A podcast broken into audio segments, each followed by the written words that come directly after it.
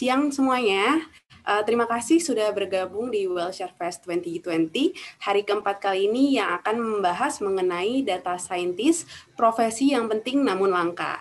Oke, perkenalkan nama saya Amira Hasan dan saya moderator yang akan memandu berjalannya Wellshare Fest hari ini. Oke, sekarang kita akan bicara soal role data scientist ya. Mungkin beberapa tahun kebelakangan kita sering banget dengar dengar uh, istilah data science.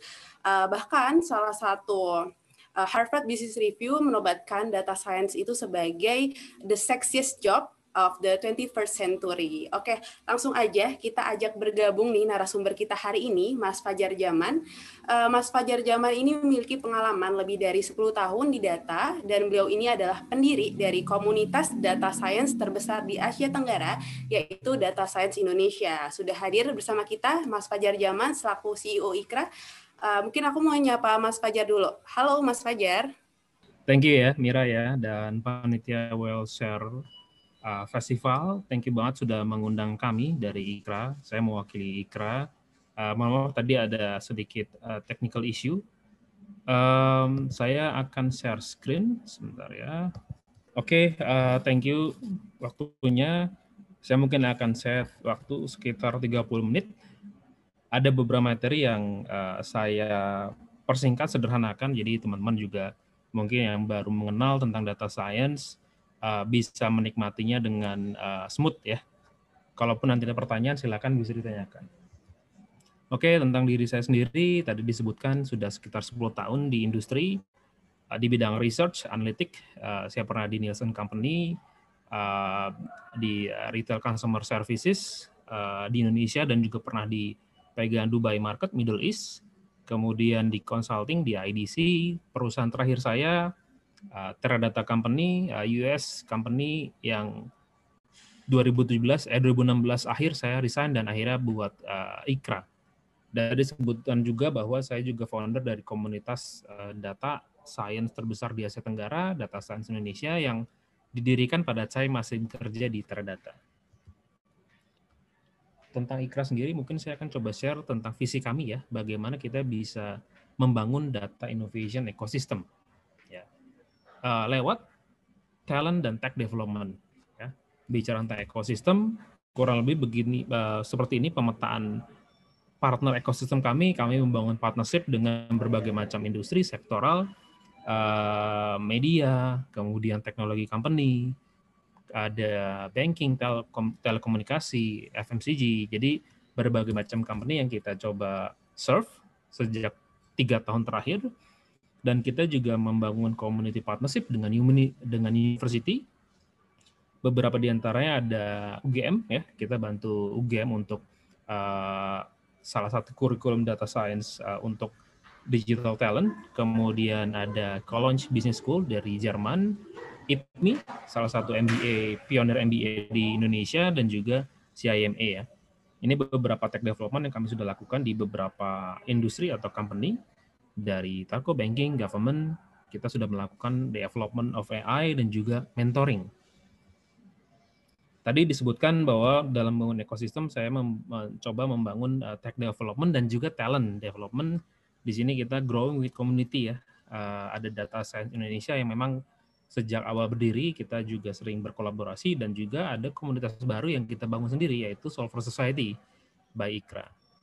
Ini launching yang kita lakukan juga di global. Kita selain di lokal, kita bangun ekosistem di global uh, di Jerman dan Swedia sehingga sejak 2020 ini pun kita sudah masuk ke market uh, Swedia dan Jerman gitu. Bekerja sama dengan Tech Bros GmbH. Nah ini saya info juga buat teman-teman yang tertarik barangkali apply sebagai uh, data scientist. Kita berkolaborasi dengan uh, Frisian Flah Indonesia untuk uh, FFI FFI atau Frisian Flah Indonesia Analytic. Kita open for hiring dan juga ada pelatihan kurang lebih selama 3 sampai 6 bulan dan setelah lulus akan bekerja di uh, Frisian Flah. Nah, tadi disebutkan juga sama Mbak Amira ya, bagaimana uh, kita memiliki giveaway uh, free tickets untuk lima peserta pilihan yang aktif Jadi aktif ini definisinya baik yang bertanya maupun yang merespon. Jadi buat teman-teman uh, diusahakan seaktif mungkin ya. Jika ada mungkin ada pertanyaan-pertanyaan singkat, simple akan saya ajukan di tengah-tengah, mohon dijawab ya. Bisa via chat uh, dan nanti uh, di akhir kita akan pilih ya. Uh, pilih lima peserta dari yang aktif ini yang baik bertanya dan menjawab nanti. Ya, jadi free ticketnya apa? Kita punya kelas kelas on data science uh, di marketing dan storytelling di November ini dan uh, teman-teman nanti akan mendapatkan secara gratis secara tiga uh, selama tiga hari ya programnya. Nah tadi saya sebutkan ya saya bekerja di uh, Nielsen kemudian di Teradata itu contoh-contoh perusahaan data gitu ya. Untuk bisa memahami juga saya pengen tahu nih ya ini salah satu pertanyaan mungkin teman-teman bisa jawab um, perusahaan atau bisnis data apa yang menurut teman-teman uh, contoh perusahaan bisnis data yang teman-teman tahu apa sih? Mungkin bisa bisa uh, spontan aja uh, nggak ada yang benar nggak ada yang salah ya jadi monggo kira-kira perusahaan data tuh apa sih? Kayak gimana? Ada yang mungkin tahu nggak? Ada yang mikir mungkin yang banyak bergerak di research ya. Contoh Nielsen itu company itu bergerak bergerak di market research. Uh, tapi ada satu perusahaan yang saya juga uh, dalam beberapa bulan terakhir uh, amati ya. Mereka ini secara user meningkat terus ya ini mungkin teman-teman juga sering pakai ini ya. TikTok ya. Saya sebut adalah one of the largest data company in the globe. Oke. Okay. penting untuk teman-teman tahu bahwa banyak perusahaan teknologi sekarang yang di Amerika mungkin kita sebutkan di Wall Street uh, list itu uh, mampu mendorong perekonomian eh, Amerika uh, tetap positif gitu ya. Jadi perusahaan teknologi seperti Facebook, Google, Microsoft, Apple mereka lah yang mendorong untuk ekonomi ekonomi Amerika tetap positif gitu ya. Dan TikTok ini salah satu yang dipertimbangkan di sana gitu ya. Jadi kenapa dia disebut perusahaan data? Karena memang user digital interactionnya uh, meningkat uh, tinggi dan akan banyak data yang disimpan oleh oleh TikTok gitu ya. Dan secara nature of company sendiri memang TikTok ini under group dari ByteDance yang kalau teman-teman lihat di websitenya ByteDance ini secara clear punya statement bahwa dia mengutilize data-data sosial, salah satunya data milik perusahaan mereka sendiri TikTok untuk uh, mereka bangun artificial intelligence.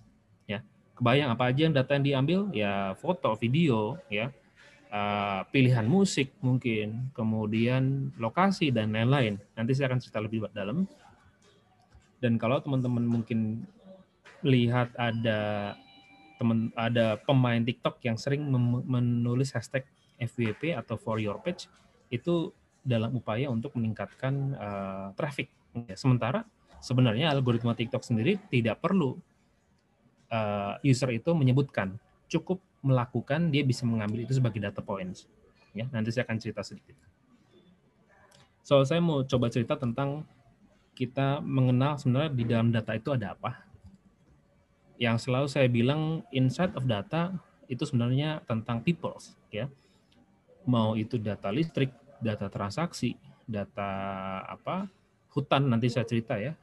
Uh, it's reflect human, ya, dynamic di sana dari zaman dulu juga mungkin pencatatan itu juga sudah dilakukan. Uh, salah satunya mungkin di gua misalkan ya.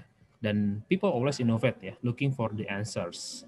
Dari tahun 36 ditemukan mungkin uh, mesin computing yang bisa uh, mengcompute uh, huge amount of data pada saat itu.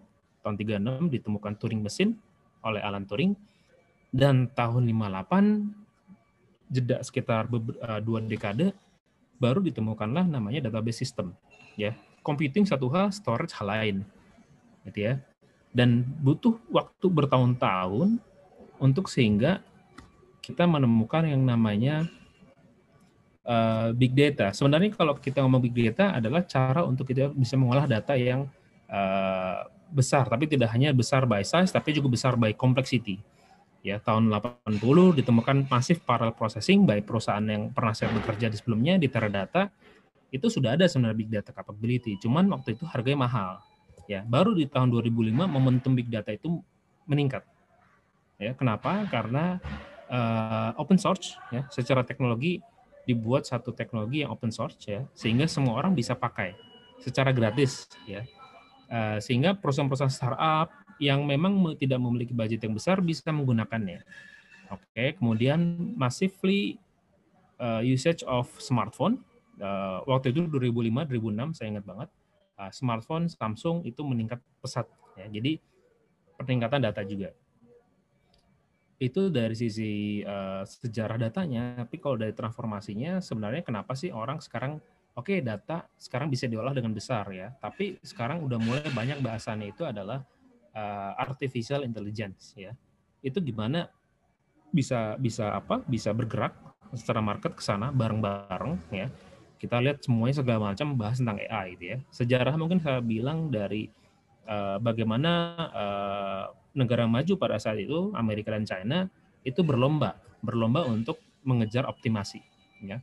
Secara ekonomi kita bisa mendapatkan pertumbuhan kalau kita bisa semakin optimal ya. Pada saat itu salah satu cara adalah mengotomasi proses yang tadi lima hari jadi dua hari, dari dua hari jadi satu hari dan segala macam uh, kunci dari proses tersebut, pertumbuhan tersebut adalah data tentu saja. Ya, bagaimana data dan machine learning dan sekarang populer juga adalah AI itu bisa dipakai untuk mempercepat proses.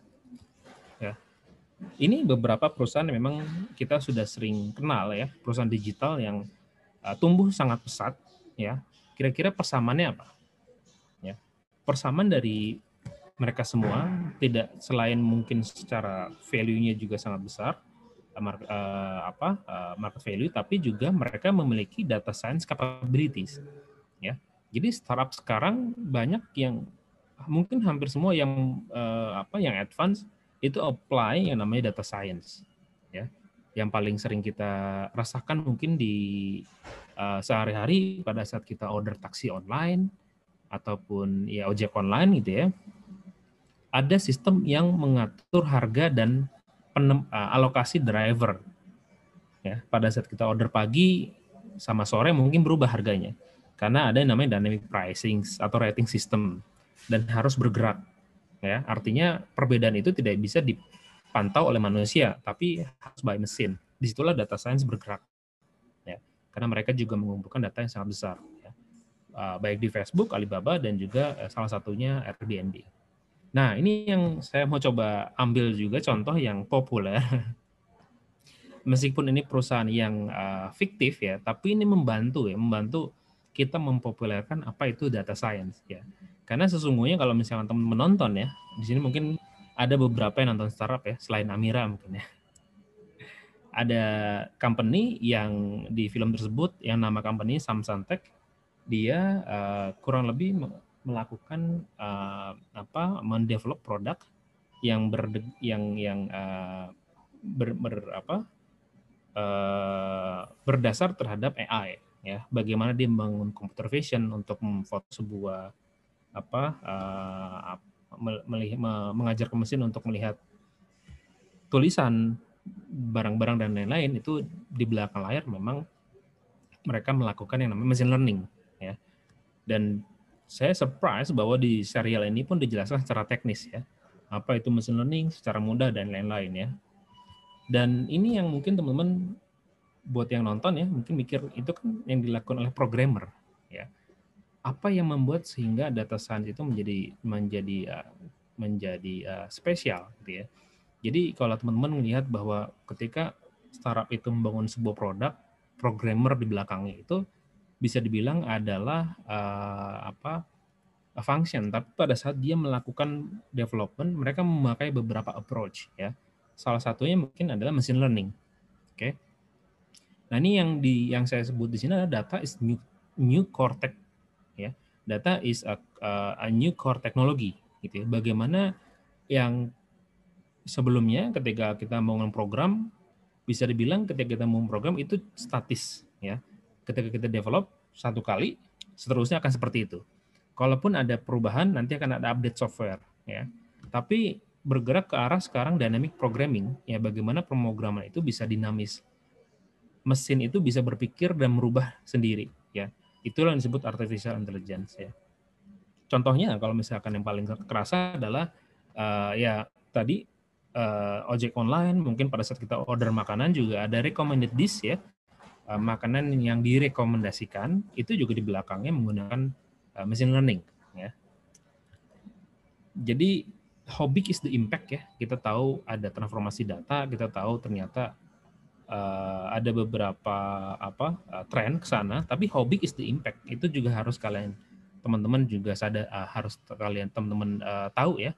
Jangan sampai kita mempelajari sesuatu hanya karena seneng masalah uh, apa pengen pengen nyobain apply machine learning, pengen nyobain kompleksitas kompleksitasnya tapi tanpa tahu sebenarnya manfaatnya untuk apa. Makanya di Ikra pun kita selain mengajarkan uh, teknis, kita juga mengajarkan non teknis dari sisi bisnis. Saya akan coba tanya ke teman-teman ya. Um, ada sebuah brand Maserati ya. Maserati selama ini sebelumnya itu selalu mengeluarkan uh, apa supercar ya bentuknya sedan ya uh, dan pastinya mahal produknya dari Italia ya, tapi ada satu market yang dia target di China. Dia datang ke China dan mengatakan bahwa um, men-challenge salah satu pemain di sana, bisa nggak ini dijual secara online? Oke, okay. setelah dipelajari ternyata uh, perusahaan tersebut menyanggupi perusahaan China tersebut. Oke, okay, kita bisa jualnya secara online. Ya, tapi harus eksklusif ya. Jadi dijualnya sebanyak 10.000 10.000 uh, apa uh, unit 10.000 atau berapa puluh ribu unit gitu ya.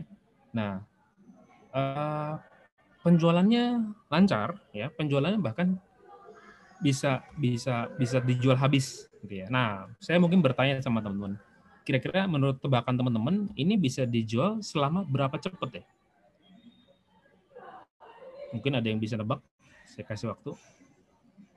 Jadi buat penanya dan penjawab aktif nanti kita list dan masukin ke random uh, kita akan pilih lima orang itu ya untuk ada dapat yang kelas. sudah jawab nih Mas Fajar tiga hari katanya oh tiga hari ya tiga hari uh, bulan satu minggu ada lagi mungkin yang bisa jawab yang lain satu Ini bulan aja ya satu bulan oke okay. saya punya temen jualan Avanza dia sales salah satu mobil ya uh, jual 10 aja per bulan itu udah ngos-ngosan kalau satu orang ya. Jadi imagine kalau kita jualan mobil, apalagi kita jual mobil mobil yang mobil ini, mobil Maserati ini, SUV ini belum pernah dilihat di jalan ya pada saat itu. Jadi 2015-16 belum pernah dilihat di jalan, tidak ada di galeri ya, cuman dilihat di brosurnya aja ya. Uh, dan ini habis. Oke, ada lagi tadi tiga hari satu hari satu bulan. Yang kayaknya nggak mungkin sih 20 detik. 20 detik. Oke. Okay. Mungkin nggak Mas Fajar? Menarik. Ya. Uh, 5 menit atau 4 hari. Banyak nih Mas Fajar? Tadi berapa? Banyak ya. 5 menit, 4 hari, 3 detik, ya 30 detik sama satu bulan ya. So, jawaban yang paling mendekati mungkin yang tadi ya, 20 detik. Ya. Wah. Jadi Maserati ini dijual selama if I'm correct me if I'm wrong ya, I have to but less than 3 minutes. Ya. Gimana caranya Maserati itu bisa dijual 10.000 Maserati dijual di China less than 3 minutes. Uh, jadi Timo salah satu online marketplace yang menyanggupinya itu under Alibaba ya. Mereka punya database, oke? Okay? Mereka punya customer interaction data, customer transaction data. They really know siapa yang kira-kira tertarik dan mampu beli. Oke, okay? mereka bangun narasi untuk menstimulus kalau orang yang ibaratnya orang yang jet set, orang kaya mungkin ya, itu orang yang senang untuk uh, mau kejar mau, mau ngejar ekosistem gitu ya. Jadi kalau misalkan tetangga beli, dia harus beli ya. Apalagi embel-embelnya uh, dia apa? Jadilah yang pertama memiliki mobil ini gitu. Jadi less than three minutes ya.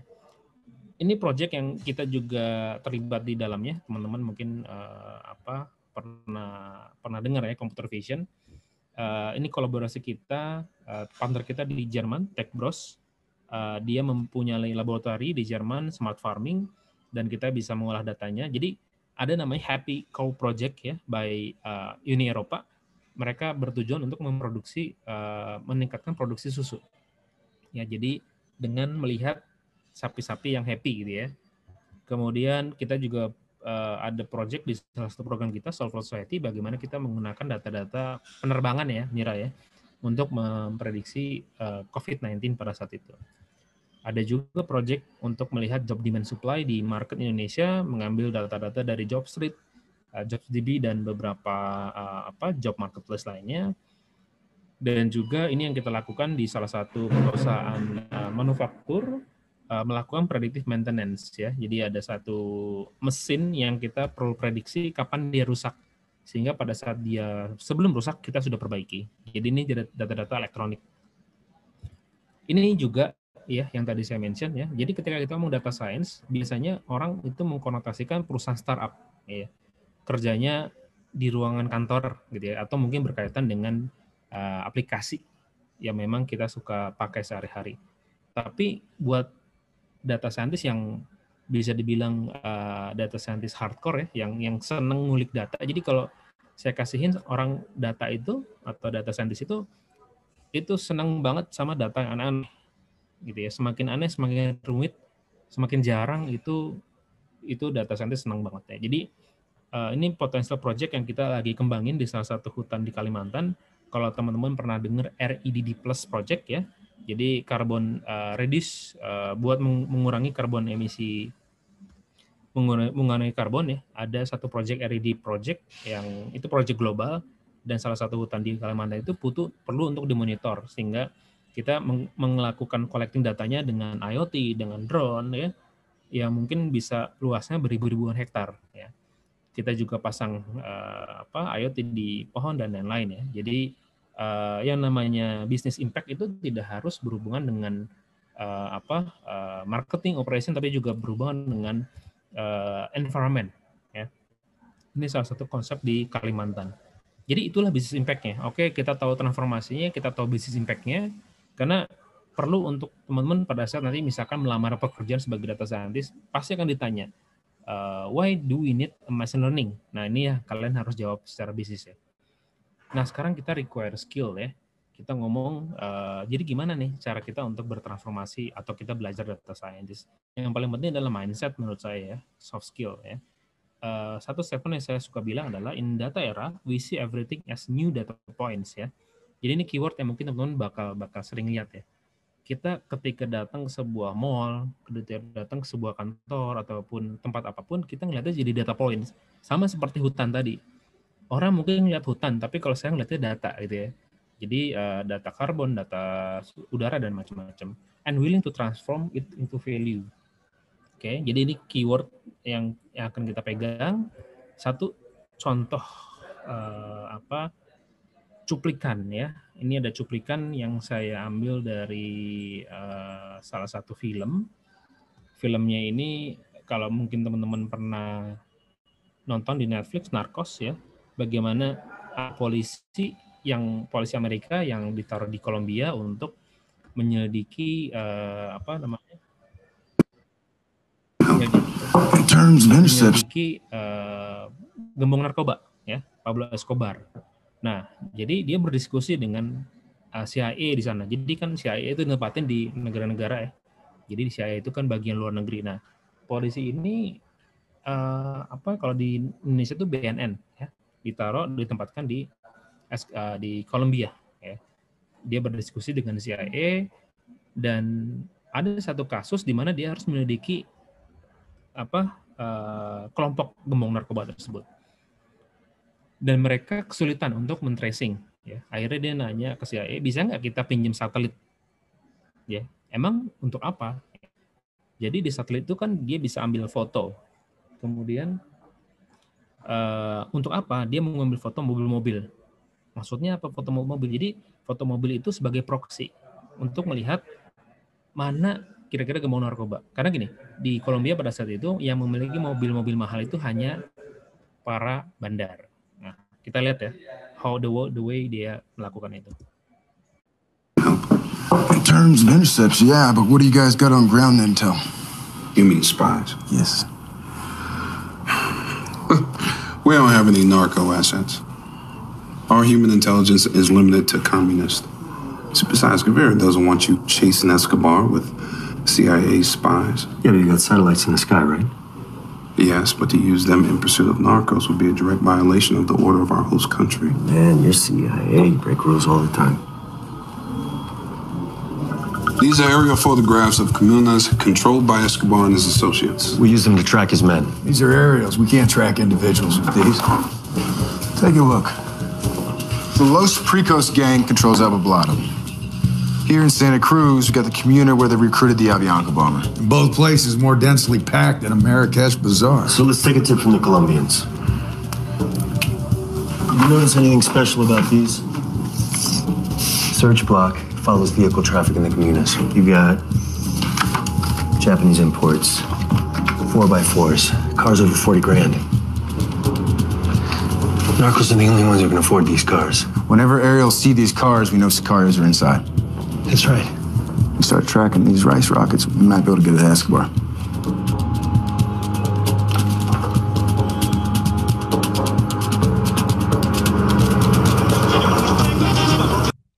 Jadi tadi kalau misalkan teman-teman perhatiin bagaimana dengan foto itu dia pakai untuk sebagai pendekatan ya. Mobil tipe apa sebagai pendekatan ya. Jadi itu juga berlaku di uh, dunia data ya. Banyak orang bilang data itu data besar. Semua orang bisa akses data apa pun misalkan. Tapi in big data era sekalipun data itu selalu terbatas ya. Jadi kemampuan kita untuk meng mengconnecting the dot ya, ada puzzle puzzle puzzle menggunakan proxy kita bisa dapetin data A, data B. That's one of the key in soft skill in data science. Saya, saya kasih saya kasih contoh lagi ya. Katakanlah saya akses uh, aplikasi uh, penerbangan ya. Saya beli tiket nih ya. Saya coba contoh misalnya Amira ya. Amira order ya tiket dari Amira. Amira bisa order tiket di mana Amira? Nyebut merek nggak nih? Jangan lah. Oh jangan. Siapa tahu ada ini ya sponsor. Nah, jadi Amira katakanlah pesan pesawat ya dari Jakarta ke Jogja pada tanggal 18 April 2019. Amira kan bayar. Itulah yang kita sebut transaksi. Ya. Sudah pasti semua perusahaan itu kalau transaksi pasti dicatat ya dong. Karena dia harus mencatat berapa sales yang diciptakan, ya. Jadi data transaksi itu satu hal, ya. Ada data tipe lain yang pengen saya jelaskan ya, yang disebut interaction data, data interaksi, ya. Jadi kasus tadi beda, misalkan Amira beli ya Jakarta Jogja selesai. Eh, ini kasus lain nih. Amira searching nih jadwal dari Jakarta ke Jogja. Ingat, any uh, view kita adalah semua menjadi data points ya. Ketika Amira searching jadwal dari Jakarta ke Jogja itu satu data points. Oke, ketika itu Amira stay selama 10 menit. Another data points. Amira keluar dari halaman, tekan tombol back, it's another data point. Kemudian Amira searching Jakarta Solo, it's another data point lagi ya. Dan akhirnya Amira beli dari Jakarta ke Solo ya. Kalau kita ngelihat dari point of view transaksi aja, which is yang kelima, kita cuma bisa ngelihat bahwa oh ternyata peningkatan Amira, eh peningkatan penjualan tiket Jakarta Solo meningkat. Padahal belum tentu ya. Karena sebenarnya Amira itu mau ke Jogja, tapi mungkin karena tiketnya habis dia akhirnya ke Solo ya. Cari tiket lain ke Solo dan itu nyebrang mungkin ya. Jadi interaction data ini penting juga ya untuk melihat customer journey. Nah, ini yang menyebabkan ketika kita ngomong big data, datanya menjadi besar, tapi doesn't have to be uh, ini ya kita ngomong data besar aja ya. Jadi kenapa ketika kita catat cuma transaksi aja sebelumnya, sekarang dicatat semuanya interaction data. Ini mungkin terjadi beberapa perusahaan aplikasi yang sudah sudah apa sudah aware ya. Uh, contoh lain misalkan ketika kita beli kamera ada pembelian purchase detail yang kita tangkap salah satunya tapi kita juga bisa dapat data-data seperti GPS location tipe handset ya tipe handset itu bisa bisa di, bisa diambil loh sama application ya dan juga uh, interaksinya ya. Kenapa diperlukan? Untuk memprediksi kira-kira ini segmennya masuk mana. Oh segmen yang menggunakan Samsung sama segmen yang menggunakan Apple beda nggak misalkan Nah, ini soft skill yang saya uh, encourage buat teman-teman uh, yang mau uh, tertarik di bidang data science itu saya sebut 4C ya. Keep curious ya. Seperti tadi cuplikan detektif tadi ya. Detektif itu try to uh, apa? coba membangun hipotesa ya. Di curious. Kira-kira ada nggak ya? Kita kita bisa pakai data ini nggak ya? Gitu ya. Kemudian kreatif, kreatif untuk membangun sebuah proxy. Kalau saya nggak bisa dapat data X, mungkin saya dapat data, data Y. Contoh misalkan, saya pengen tahu jumlah pengunjung gedung, atau saya pengen tahu uh, jumlah orang yang memang uh, secara apa uh, pengunjung di sebuah gedung. Saya mungkin nggak bisa dapat jumlah pengunjung, tapi mungkin saya bisa dapat electricity data misalkan. Connecting, ya. Connecting ini bagaimana saya mengconnecting the dot. Oh, kira-kira kalau saya dapat data ini, saya dapat data lain. Dan communicate well. Ini yang penting, bagaimana seorang data scientist itu juga tidak hanya bisa jago teknis, tapi juga bisa mengkomunikasikan dengan baik. Nah, hard skill-nya, kalau teman-teman tertarik, uh, bisa cek uh, link ini. Kita bikin paper namanya Secret Sauce of Analytics. Jadi uh, di sini kita bikin paper uh, apa sih role yang dipakai di bidang data. Selain data science, ada dua role penting juga, yaitu data engineer yang bermain di data management dan juga data eksekutif yang akan menjadi uh, business user yang bisa mendrive hasil dari data tersebut ya. Jadi kalau saya sebut tiga hal, apa yang paling penting kemampuan programming, kemampuan statistik, research, dan juga kemampuan uh, bisnis. Ya. Ini role yang kita sebut orang data itu apa aja ya. Jadi ternyata banyak ya, tidak hanya data scientist tok ya. Karena data science itu keilmuan. Tapi ketika kita ngomong role, role-nya bisa macam-macam, ya. Bisa analytics development officer, bisa analytics platform officer, misalkan ya. Bisa data arsitek, atau bahkan yang paling tinggi head of advanced analytics atau head of analytics, ya. Saya ingat salah satu cuplikan uh, apa uh, podcastnya Deddy Kobuzer dengan Chef Juna ya. Di situ disebutkan bahwa di uh, sebagai seorang chef, chef ini mungkin orang eksekutif chef ya uh, do masak itu salah satu hal paling simpel. Oke, memasak itu adalah hal yang paling mudah. Yang paling susah adalah mengorganize dan being kreatif, bikin menu dan lain-lain sama seperti data science. Processing analytics bisa jadi hal yang paling mudah. Tapi menyiapkannya, kemudian mengorganize projectnya itu adalah hal-hal yang real di lapangan yang susah. Oke. Okay market demand-nya gimana? Mungkin teman-teman bisa cek data scientist jobs atau data analytics jobs. Itu sekarang lagi banyak sekali dan salah satunya yang kita juga lagi open dengan Free Silva uh, data science trainee ya buat teman-teman yang tertarik. Ini tadi soft skill 4C tadi hard skill-nya saya mungkin sebut di sini ada banyak sekali ya. Karena level data scientist juga banyak ya di sini teman-teman mungkin bisa lihat di web paper tadi yang saya sebutkan linknya ya kalau teman mau cek nanti bisa request akses SID Ikra Learning 01. Jadi di sini disebutkan ada SQL, ada programming, ada BI development, uh, data modeling ya. Kemudian juga ada apa AI deep learning. Nah, saya mungkin sebutkan oke okay, ini teori penting tapi untuk survive atau growing uh, ini kombinasi yang dibutuhkan ya. 30% teori dan 70% praktek ya. Belajar aja nggak akan bisa kita ahli, tapi harus berkali-kali lipat kita lebih banyak praktek. Oke. Um, itulah kenapa kita di mungkin saya close terakhir dari saya di program-program kita semua program kita data fellowship ya ini adalah program kita yang tidak berbayar tapi kita seleksi seleksi dengan ketat talent-talent uh, di data scientist engineering Eh, kita selalu bawa ke praktek. Ya. Jadi setelah mereka belajar, kita bawa ke praktek. Terakhir kita praktek di Mandiri langsung, di Bank BTPN, di Bluebird. ya. Jadi teman-teman berhadapan dengan data asli. Solver Society juga yang salah satu yang juga di handle Amira ya. Kita mengerjakan proyek ekonomi, kemudian COVID-19, dan terakhir sekarang adalah tentang global warming. ya. Jadi langsung proyek, apalagi nih, ini langsung praktek, nggak ada nggak ada kelas bahkan ya. Data MBA yang kombinasi dengan bisnis itu juga langsung uh, praktek Eh, jadi buat teman-teman yang mungkin tertarik program-program kami bisa cek di website kami ikra.com atau di sosial media kami Instagram ikra underscore ID ataupun LinkedIn. Oke, dari saya sekian. Uh, monggo kalau ada pertanyaan. Terima kasih banyak buat uh, perhatiannya. Thank you, Andra. Oke, okay, thank you banget Mas Fajar. Sesinya memang kalau dari Mas Fajar selalu insightful sekali ya. Oke, mungkin tadi aku sedikit recap aja materi yang tadi sudah disampaikan Mas Fajar. Kita tadi start dari mungkin sejarah data, kenapa data scientist bisa jadi the sexiest job ya, kalau katanya Harvard Business Review. Kemudian tadi juga Mas Fajar sempat menjelaskan perusahaan yang mengaplikasikan data, salah satunya itu yang mungkin kita selama ini nggak aware ya, ternyata TikTok itu salah satu yang terbesar. Terus tadi juga uh, ada rekomendasi dari Mas Fajar buat teman-teman yang mau belajar data scientist atau mau uh, tahu dengan cara yang mungkin lebih fun, itu kalian coba bisa nonton film startup. Terus kalian tadi juga ada beberapa contoh use case dari Mas Fajar untuk optimalisasi uh, dengan menggunakan data science itu ada salah satu use case dynamic pricing. Terus tadi juga Mas Fajar sempat menjelaskan kira-kira soft skills uh, apa yang perlu dibutuhkan teman-teman yang pengen berkarir menjadi data profesional? Dan terakhir juga tadi sempat, uh, sudah sempat dijelaskan ya hard skill apa aja yang kira-kira dibutuhkan.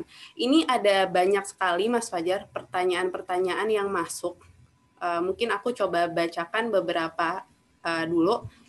Salah satunya dari uh, Mas Aditya dari Manado nih, Mas Fajar jauh-jauh dari Manado. Halo, uh, Mas saya saya mau bertanya, uh, kan data science itu bisa dimanfaatkan dalam berbagai, berbagai bidang. Nah, pertanyaannya, uh, bagaimana pemanfaatan data science dalam industri minyak dan gas, oil and gas? Dan ya, mau minta sarannya juga untuk menjadi data science harus mulai dari mana nih? Soalnya saya sudah mencari materinya di internet tapi masih ngambang. Terima kasih banyak. Oke, mungkin Mas Fajar bisa langsung dijawab. Oke, thank you banget Mas Aditya.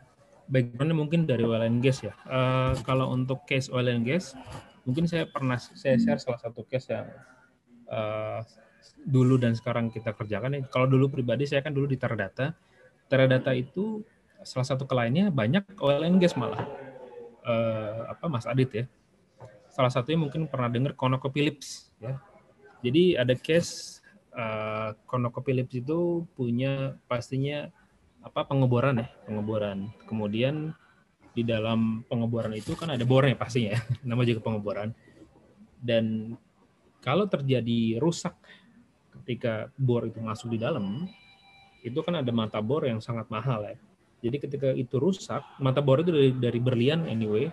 Ketika itu rusak, uh, apa biayanya bisa lebih mahal daripada bornya itu sendiri. Hampir mahal, mahal banget lah.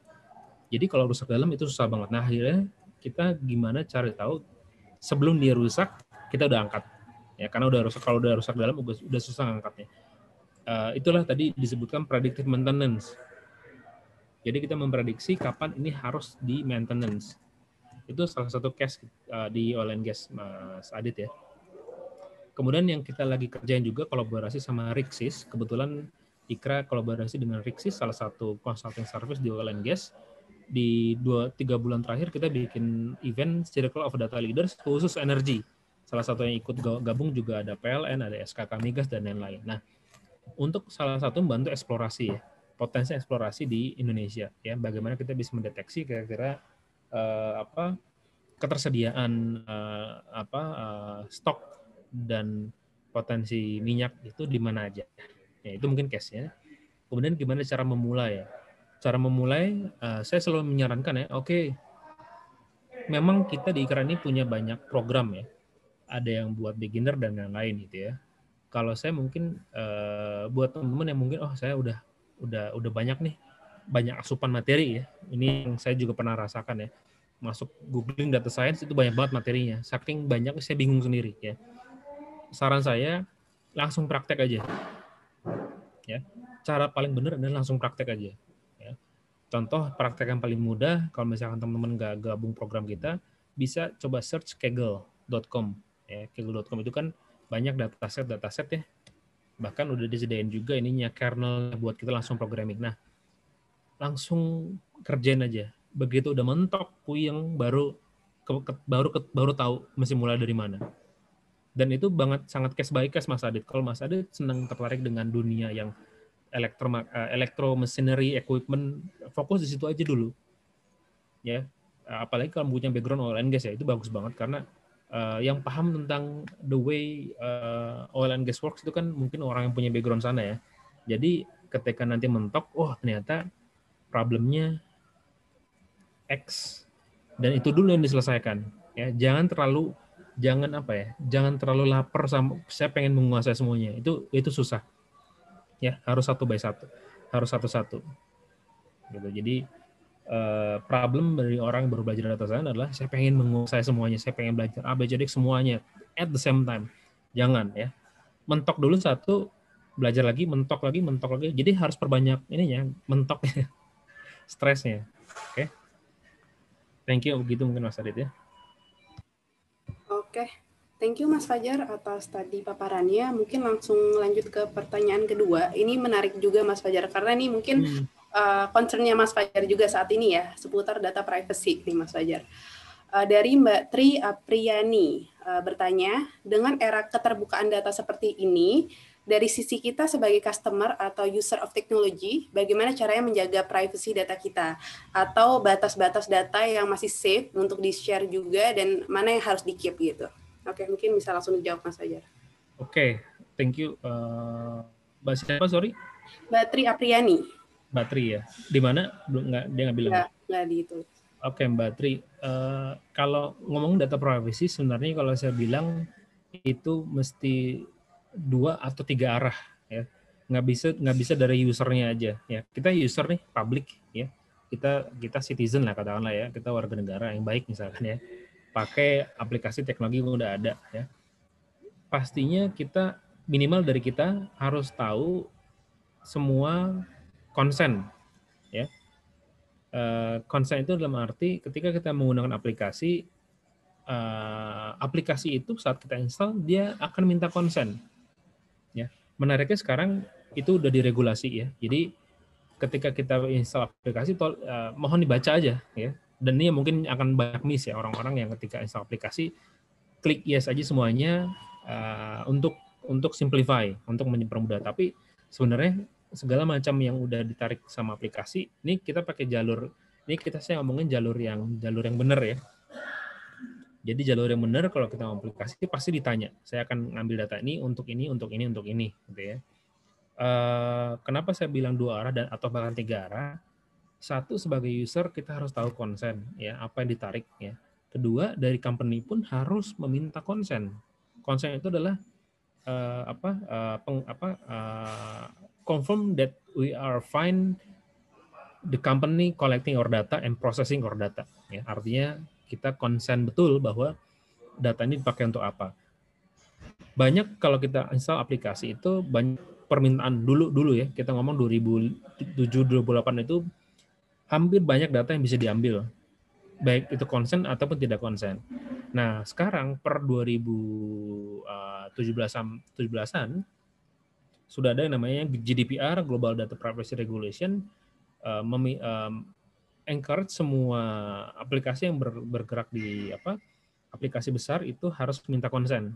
Data dipakai dikolek untuk apa untuk diolah dan diolah diolahnya dilempar lagi ke pihak ketiga apa enggak itu semua ada konsennya. Jadi itu dua arah ya.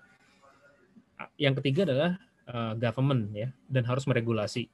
Jadi uh, mungkin government public sama uh, company yang bikin develop juga harus harus jaga ini bareng gitu. Kita kita ngomong data privacy soalnya itu tidak tidak bisa bergerak uh, satu uh, kita aja yang menjaga tapi dari tiga-tiganya. Nah, mungkin beda ya kalau kita ngomong namanya security. Nah, itu beda lagi. Nah, ketika ngomong data privacy, kita tahu apa yang di itu ada privacy information kita yang di secure dijaga bersama, tapi ada namanya data security. Nah, mungkin ini orang agak banyak tubrukan ataupun bias uh, soal hacker ya, soal pencurian data ya masalah pencurian, masalah hacking, itu masalah security.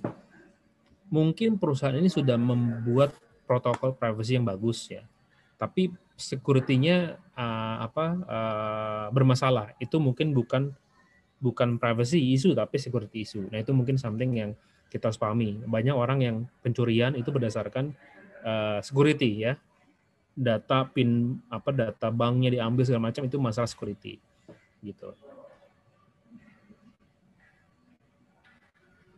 Oke, okay, thank you Mas Fajar tadi penjelasannya. Nah ini lanjut ke pertanyaan ketiga. Ini juga menarik sih tadi kan Mas Fajar sempat jelasin ya data science itu banyak berkutat di data. Ini ada pertanyaan dari Bima dari Padang jauh juga. Bertanya, dari penjelasan sebelumnya, berarti sebagian besar pekerjaan yang merupakan data science itu adalah yang mengolah data. Uh, saya dengan pekerjaan sebagai uh, productivity consultant 70%, pekerjaannya mengolah data perusahaan dan menyajikan dengan saran yang membangun. Apakah Mas Bima ini disebut sebagai data science? Uh, saya dengan dasar teknik kimia, apakah bisa menjadi data science profesional? Oke. Okay. Mungkin Mas Fajar, okay. um, ya. Ini pertanyaan yang bagus ya, karena orang bilang kan sebenarnya data science itu something yang memang sudah dilakukan banyak orang, ya. cuma belum diformalkan aja secara statement ya. Uh, kita ngomong secara secara tertulis dan tidak tertulis ya. Kalau misalkan secara prakteknya, uh, ketika orang sudah memanfaatkan data dengan baik dan apa uh, dan they, they they know how to transform it value uh, tick box the principle ya. The data science principle ya. Jadi kan saya bilang mungkin tadi data science itu kan disiplin ilmu ya. Apakah nanti dia digolongkan menjadi seorang data scientist data engineer ataupun konsultan dan bisa analis itu matter of nanti yang tertulis dengan organisasi ataupun kantor yang bekerja di di dalamnya misalkan ya. Nah kalau saya ngomong berdasarkan disiplin tick box ya tapi ada juga disiplin turunan dari data science atau disiplin lain dari data apa sorry bukan disiplin. Uh, salah satu prinsip lain dari data science adalah metodologi yang digunakan ya. metodologi umum yang digunakan biasanya adalah uh, salah satunya adalah CRISDM misalkan. Bagaimana CRISDM itu adalah cross industry industry professional for data data mining. Jadi proses flow-nya biasanya dilakukan start dengan discovery dulu bisnis discovery Kemudian ada yang namanya uh, data exploration atau EDA, exploratory data analysis. Jadi setelah discover bisnisnya, explore datanya, building a model, kemudian deploy dan evaluation. Ya, umumnya seperti itu.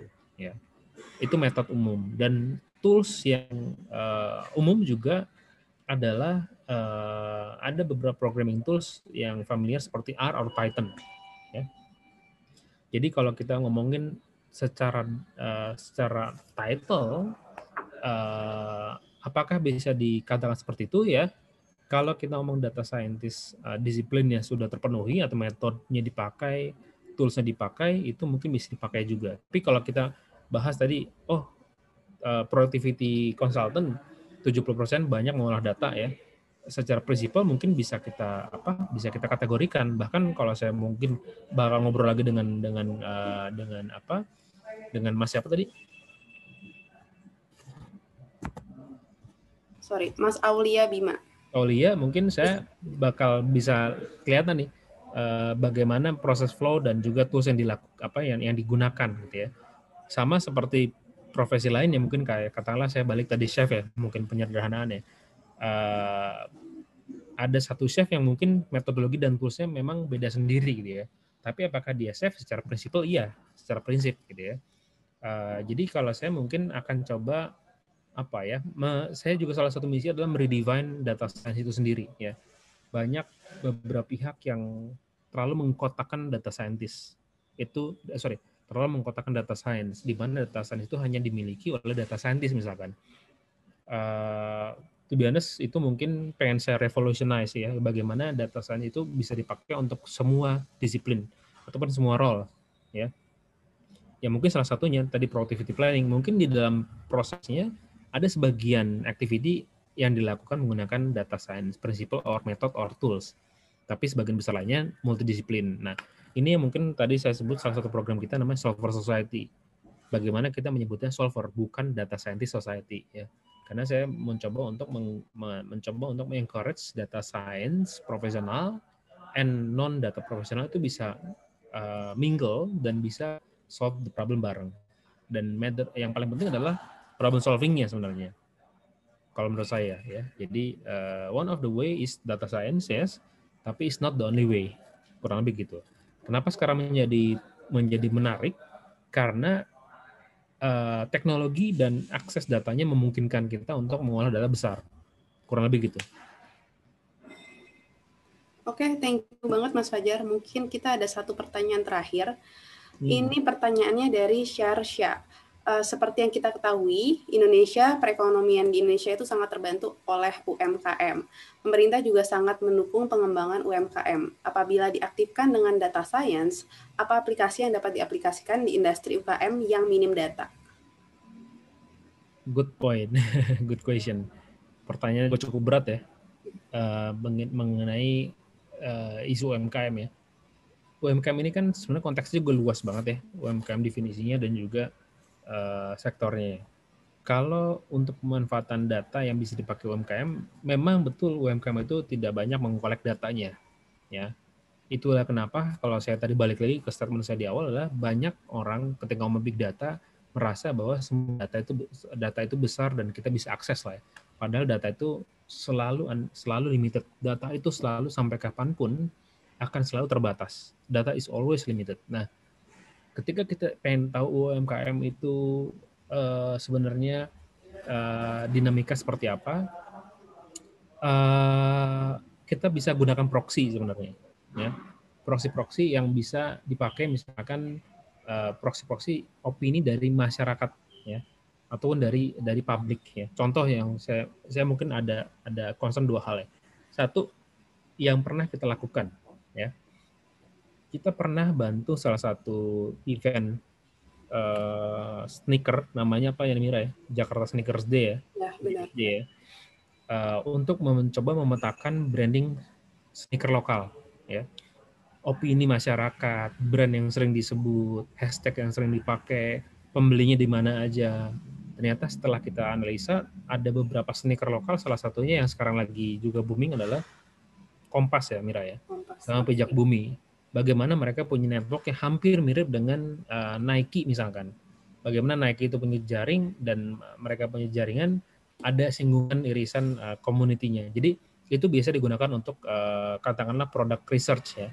Ketika harus melakukan marketing research untuk UMKM misalkan. Oh, dalam hal ini mungkin saya ngelihat bisa dibilang ya Pejak Bumi atau Kompas mungkin bisa dianggap salah satu UMKM karena mereka adalah sneaker lokal. Kemudian case lain kita juga pernah gunakan uh, proxy data dari data-data merchant transaction di banking sebenarnya. Jadi gini, kita kerjasama dengan uh, salah satu bank, uh, Bank Mandiri, mungkin saya sebut aja karena nanti kita akan publikasi hasilnya. Uh, data-data merchant transaksi sales yang terjadi di merchant-merchant yang punya akun di Bank Mandiri ya. Uh, dari situ kita lihat beberapa sektor yang tumbuh ya. Katakanlah saya pemerintah ataupun saya pemerintah bersama investor investor swasta yang mencoba untuk menumbuhkan UMKM. I want uh, saya willing untuk invest ya di UMKM. Tapi kan saya harus tahu UMKM mana, sektor mana yang berpotensi. Ya. Dengan data-data tadi di bank tadi, saya bisa lihat ada satu sektor yang ternyata punya potensial tinggi dan terus growing di era pandemi sekarang. Ya. Di situ saya akan bisa kasih rekomendasi ke pemerintah untuk di sektor is potential and you can spend investment at the sector gitu ya. Surprisingly kalau misalkan saya bisa mention sektor travel itu meskipun lebih kecil tapi growing terus masih growing di era pandemi misalkan. Terus food and beverage, terus uh, apa uh, peralatan rumah tangga gitu ya. Jadi pemerintah ataupun dari investor pun bisa bergerak untuk bantu UMKM. Contoh, jadi tidak harus data UMKM yang UMKM punya, tapi juga dari proxy lain untuk membantu UMKM. Kurang lebih gitu mungkin ide saya, uh, Mas uh, Mas siapa tadi? Sama mungkin ada pertanyaan menarik. Banyak pertanyaan menarik ya. Banyak banget pertanyaan ya. menarik. Iya, karena mungkin keterbatasan waktu, jadi kita cuma memilih empat penanya Empat uh, aja. Ya, iya. Oke, terima kasih untuk waktunya kepada Mas Fajar. Sangat-sangat uh, insightful. Semoga bisa menginspirasi teman-teman di sini untuk terus bergerak membangun Indonesia.